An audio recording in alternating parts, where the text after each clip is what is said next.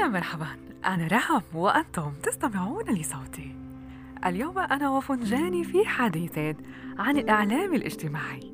وفي يوم الإعلام الاجتماعي تحية إلى صانعي المحتوى الذين يكون على عاتقهم رفع مستوى المتابعين.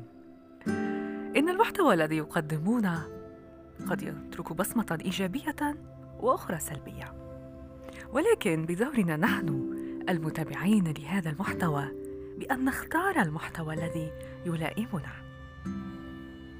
هنالك الكثير من التطبيقات في الآونة الأخيرة والبعض يعطيها بوسمة سلبية إلى أنها تحمل الكثير من المحتويات الإيجابية فصناع المحتوى عليها مبدعون إلى أقصى الدرجات.